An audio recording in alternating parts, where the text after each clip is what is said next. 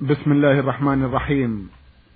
الحمد لله رب العالمين والصلاة والسلام على سيد المرسلين سيدنا محمد وعلى آله وصحبه وسلم. مستمعي الكرام السلام عليكم ورحمة الله وبركاته وأسعد الله أوقاتكم بكل خير. هذه حلقة جديدة مع رسائلكم في برنامج نور على الدرب. رسائلكم في هذه الحلقة نعرضها على سماحة الشيخ عبد العزيز بن عبد الله بن باز الرئيس العام لإدارات البحوث العلمية والإفتاء والدعوة والإرشاد. في بداية لقائنا نرحب بسماحة الشيخ ونشكر له تفضله بإجابة السادة المستمعين فأهلا وسهلا بالشيخ عبد العزيز. حياكم الله وبارك فيكم حياكم الله.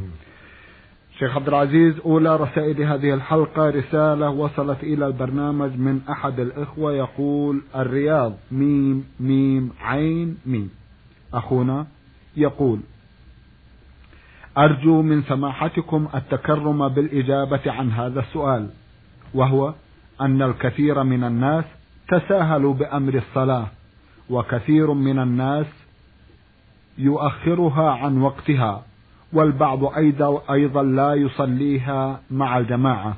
نرجو أن تتفضلوا بالإجابة والتوجيه. جزاكم الله خيرا.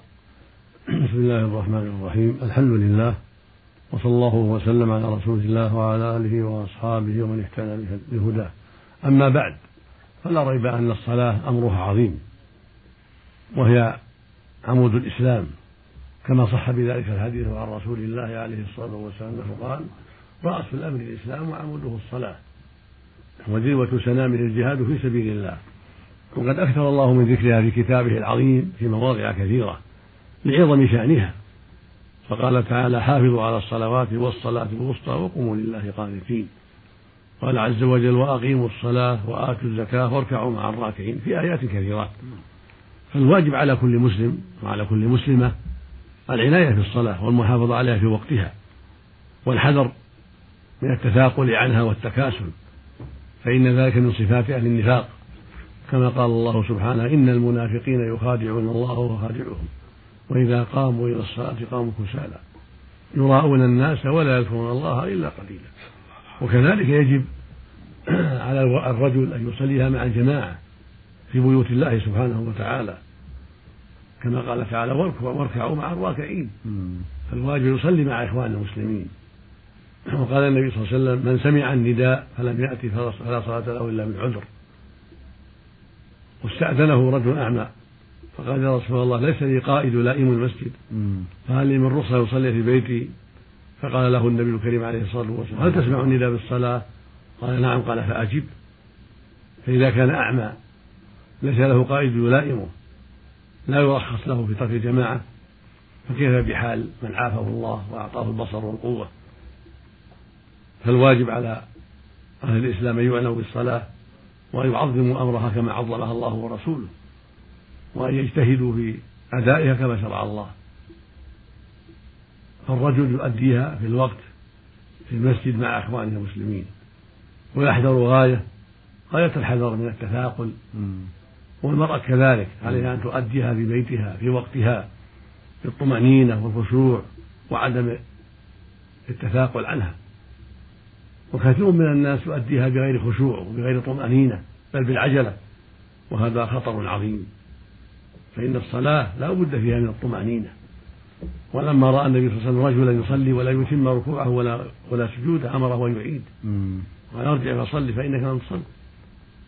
فالواجب على الجميع العناية بالصلاة فرضا ونفلا وأن تكون عن طمأنينة وإقبال عليها لا عن عجلة ونقر وأعظم ذلك الفريضة. فالواجب العناية بها أكثر. وأن تؤدى كما شرع الله عز وجل في أوقاتها بالطمأنينة واستكمال ما شرع الله فيها من الأركان والواجبات. والأفضل أيضا يعتني بالمستحبات حتى يؤديها كاملة.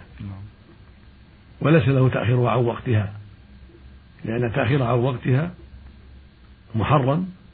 وفيه ضاعة أدائها في الجماعة أيضا. وكذلك في حق المرأة.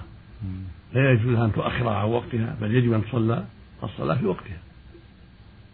وكثير من الناس الآن قد يؤخرها عن وقتها في صلاة الفجر. فيسهر الليل ويتأخر عن صلاة الفجر. وهذه مصيبة عظيمة ولا حول ولا قوة إلا بالله. فالواجب الحذر من ذلك في حق الرجال والنساء. وكل سهر يفضي إلى هذا فهو محرم. فلا يجوز السهر الذي يفضي إلى ترك الصلاة في وقتها أو تركها في الجماعة في حق الرجل. نسأل الله للجميع الهداية. اللهم آمين. جزاكم الله خيرا. نعود في هذه الحلقة سماحة الشيخ إلى رسالة وصلت إلى البرنامج من الجمهورية العربية اليمنية. لوائب باعث الرسالة أحد الإخوة من هناك يقول محمد عبد الحميد محمد حاتم. الحذيفي قرية المجدورة. أخونا في حلقة مضت عرضنا له سؤالين وفي هذه الحلقة يسأل ويقول ما هو الحكم في رجل استعقد عقد النكاح عن ولده بدون وكالة من ولده وبدون إذنه علما بأن الولد يبلغ العشرين من عمره؟ وأيضا كان الولد حاضرا أثناء العقد فهل العقد صحيح أم أنه باطل شرعا؟ أفيدونا ولكم جزيل الشكر. ليس للأب ولا غير الأب أن يعقد عن ولده أو أخيه أو غير ذلك إلا بإذنه إلا بالوكالة. إذا كان قد بلغ الحلم وهذا كما بين في السؤال قد بلغ العشرين فليس لأبيه أن يتزوج أن يتزوج عنه إلا بإذن فإذا كان الولد لم يأذن له في ذلك فالنكاح غير صحيح. والواجب أن يجدد. لأن الزوج هو صاحب العقد. فإذا لم فإذا لم يباشر ولم يوكل فلا عقد. نعم. الرسالة التالية وصلت إلى البرنامج من العراق. وباعثتها المستمعة فاتن سعيد من بغداد. الأسئلة عراقية المنشأ كما قلت سماحة الشيخ وصاحبتها تسأل ثمانية أسئلة وتقول: إنني أصوم الشهر المبارك ومتطوعة أيضا بمعنى أني على صحة تسمح لي بالصوم ولا أحس بجوع أو عطش والحمد لله. ولكن ما يضايقني ويجعلني عصبية هو تكون اللعاب بكثرة في فمي ويضعني في وضع حرج فلا أستطيع التكلم أو الخروج وحتى إذا لم أتكلم فإنه يتكون اللعاب. فماذا أفعل؟ هل أترك الصوم علما أني قادرة على الصيام كما أسلفت وأنا موظفة ولا أستطيع؟ ما أدري لا تستطيع. ماذا؟ أرشدوني جزاكم الله خيرا. أما صوم رمضان فهذا واجب على جميع المسلمين والمسلمات. المكلفين والمكلفات. الواجب عليك وعلى غيرك من المسلمات المكلفات صوم رمضان فهو أحد أركان الإسلام الخمسة. يقول النبي صلى الله عليه وسلم بني الإسلام على خمس شهادة أن لا إله إلا الله وأن محمدا رسول الله وإقام الصلاة وإيتاء الزكاة وصوم رمضان وحج البيت. فعلى المؤمن وعلى المؤمنة صوم هذا الشهر. وأما التطوع فأنت بالخيار. إذا تطوعت بالصيام في غير رمضان فهذا إليك. والصوم فضله عظيم ومن تطوع به فله أجر عظيم. لكن لا يلزمك الصوم إلا في رمضان أو صوم الكفارات أو النذور.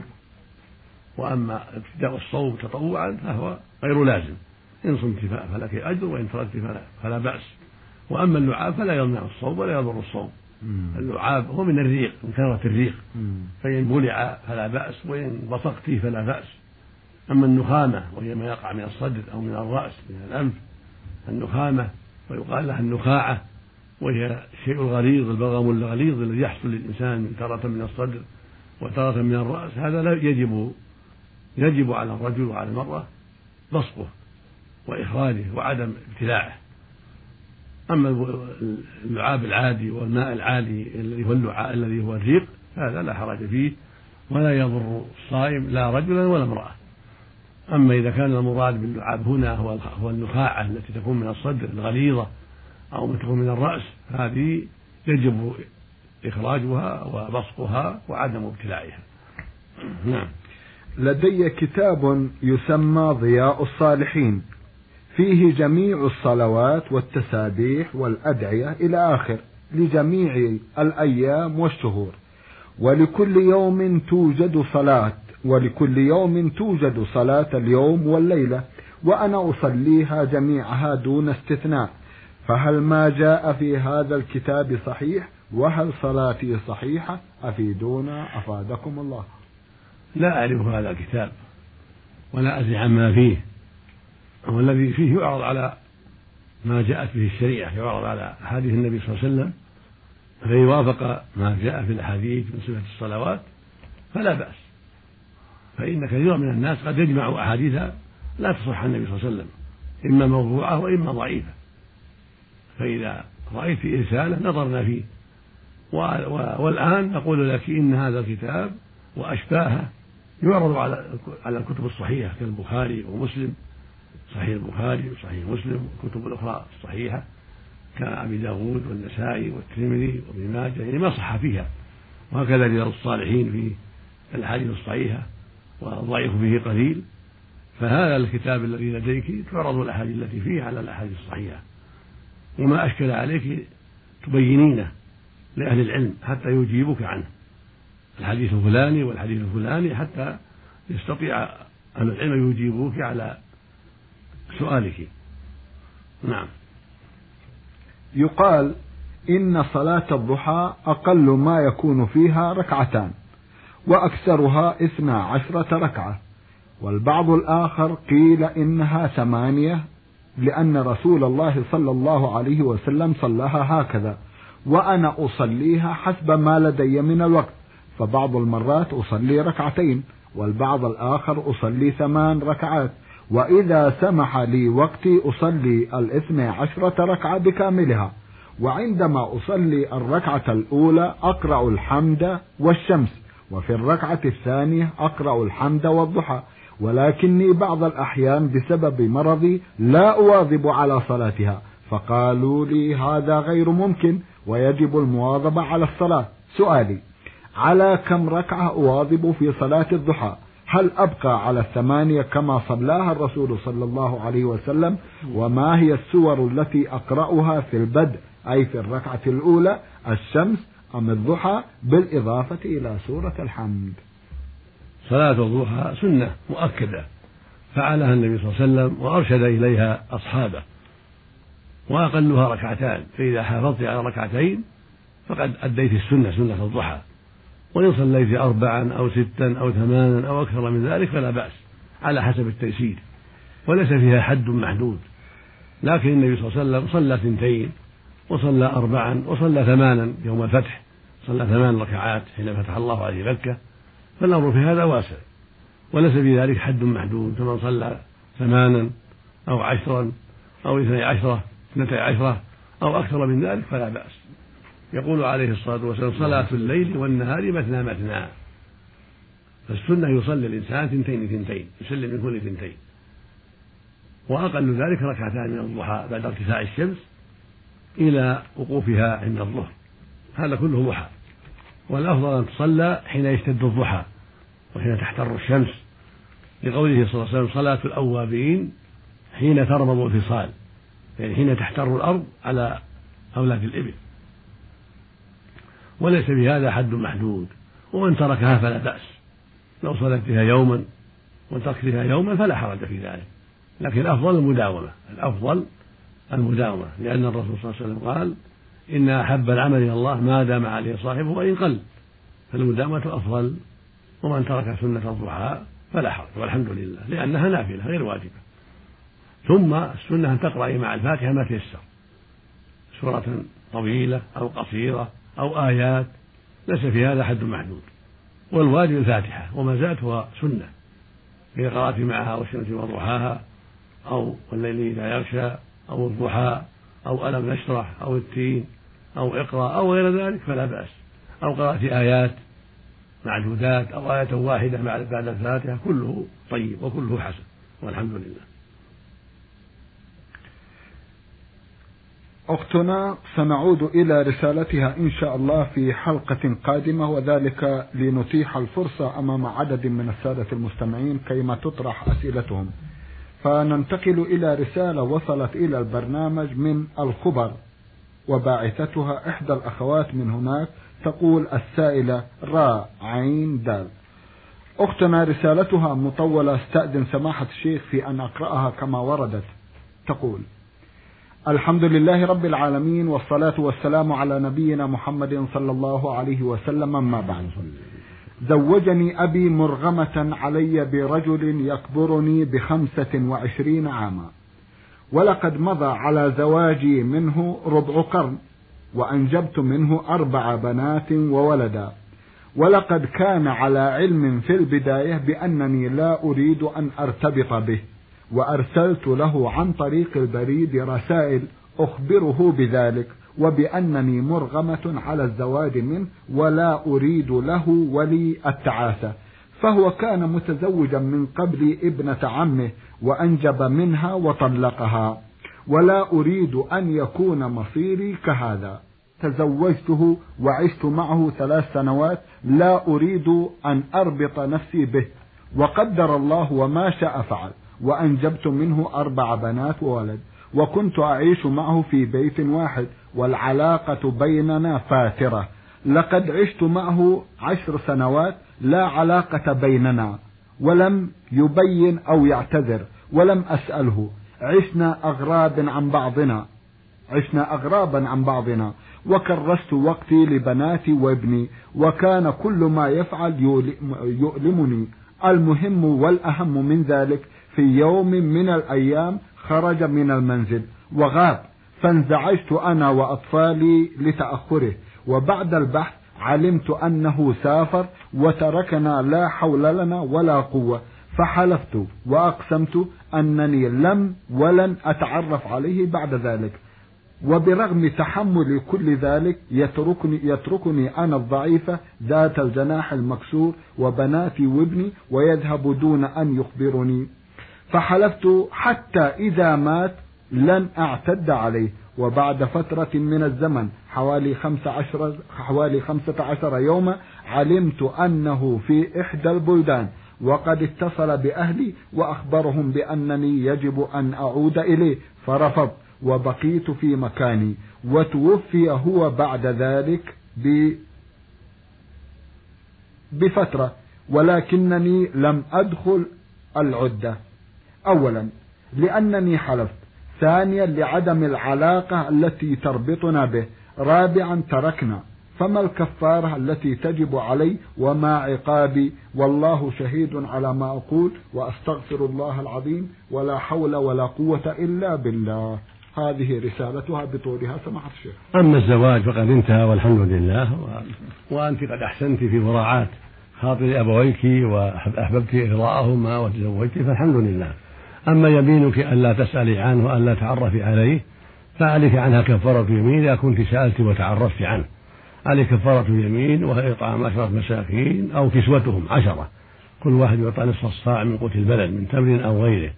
أو كسوة يكسى كسوة تجزئه في الصلاة. وأما كونك حلفت ألا تعتدي عليه إذا مات فهذا غلط منك.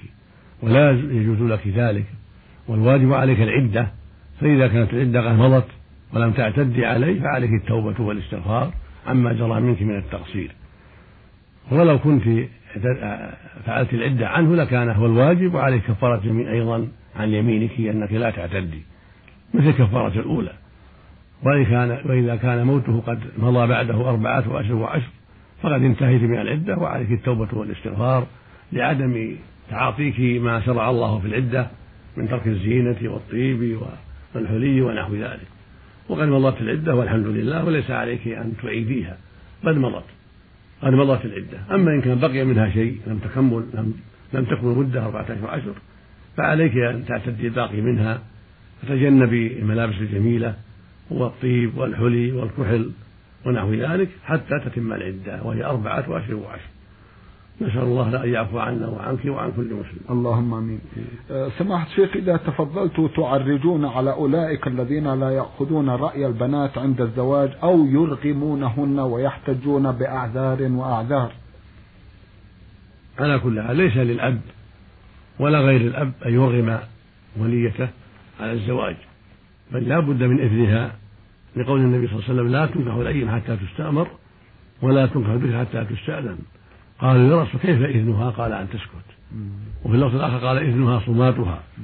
وفي اللفظ الثالث والبكر يستأذنها أبوها وإذنها سكوتها. فالواجب على الأب أن يستأذن إذا بلغت تسعا فأكثر. وهكذا أولياؤها لا يزوجون إلا بإذن. هذا هو الواجب على الجميع. ومن زوج بغير إذن فالنكاح غير صحيح. فالنكاح غير صحيح غير صحيح جزاكم الله لأن من شرط النكاح من شرط الصحة الرضا من نعم. الزوجين نعم. إذا زوجها بغير رضاها وقهرها بالوعيد الشديد أو بالضرب فالزواج غير صحيح إلا الأب آه. فيما دون التسع من زوجه وهي صغيرة أقل من التسع فلا حرج على الصحيح لأن الرسول صلى الله عليه وسلم تزوج عائشة بغير إذنها وهي دون التسع نعم. كما جاء به الحديث الصحيح نعم. أما متى بلغت تسعا فأكثر فإنه لا يزوجها إلا بإذنها ولو أنه أبوها نعم. بارك الله فيكم. إذا آه، كلمة للآء يردن الزواج. سمعت الشيخ الواجب على الزوج إذا عرف أنها لا تريده أنه لا يقدم على ذلك. ولو سهل معه الأب الواجب عليه يتقي الله وأن لا يقدم على امرأة لا تريده ولو زعم أبوها أنه أجبرها. الواجب عليه يحذر ما حرم الله عليه لأن الرسول أمر بالاستئذان عليه الصلاة والسلام. اللهم صل وسلم عليه. وهل من كلمة للمخطوبة؟ المخطوبة نوصيها بتقوى الله ونوصيها بالموافقة.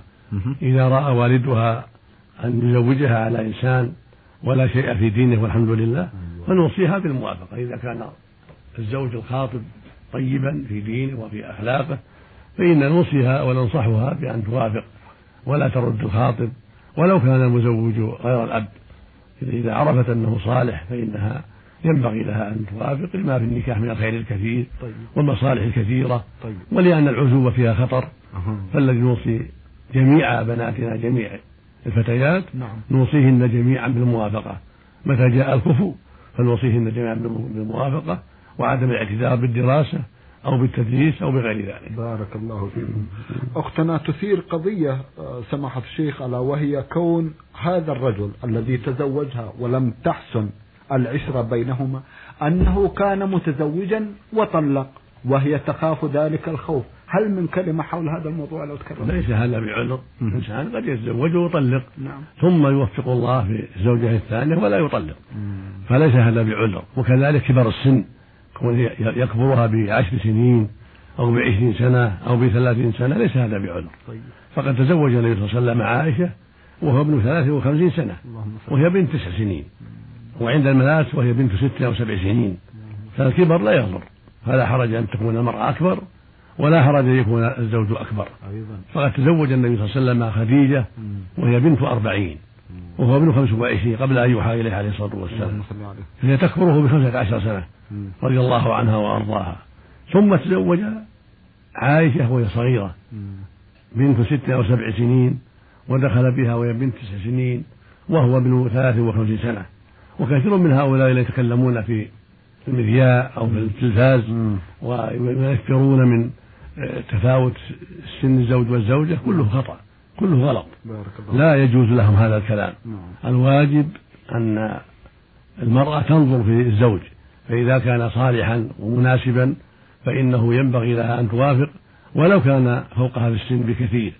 وهكذا الرجل ينبغي أن يعتني بالمرأة الصالحة ذات الدين ولو كانت أكبر منه.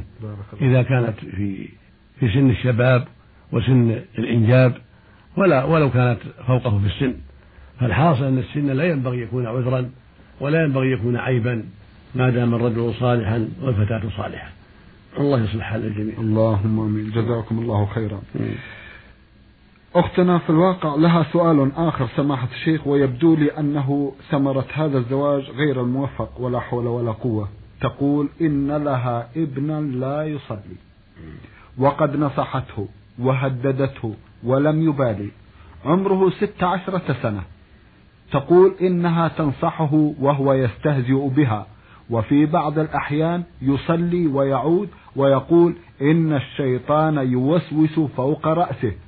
وتستمر من مثل هذه العبارات سماحة الشيخ وتسأل وتقول إنني مستجيرة بالله ثم بكم. تنقذوني مما أنا فيه وتقودوني إلى الصواب. وما العمل لأرملة لا حول لها ولا قوة إلا بالله. ثم تريد العون منكم وجزاكم الله عنها خير الجزاء. هذا الولد الذي ليس بموافق على الصلاة الواجب نصيحته وتوجيهه إلى الخير ووعظه وتذكيره وتحذيره من غضب الله. قال الله جل وعلا في حق أهل النار ما سلككم في سقر؟ قالوا لم نكن من المصلين. فترك الصلاة من أعظم الأسباب في دخول النار لأن تركها كفر أكبر. قال النبي صلى الله عليه وسلم العهد الذي بيننا وبينهم الصلاة فمن تركها فقد كفر. وقال عليه الصلاة والسلام بين الرجل وبين الكفر والشرك ترك الصلاة. فالصلاة لها شأن عظيم وهي عمود الإسلام وهي الفارقة بين المسلم والكافر. فالواجب على كل مسلم ومسلمة قد بلغ الحلم وبلغت الحلم أن يؤدي الصلاة. وهو مأمور بها قبل أن يبلغ الحلم حتى يعتادها ويتمرن عليها.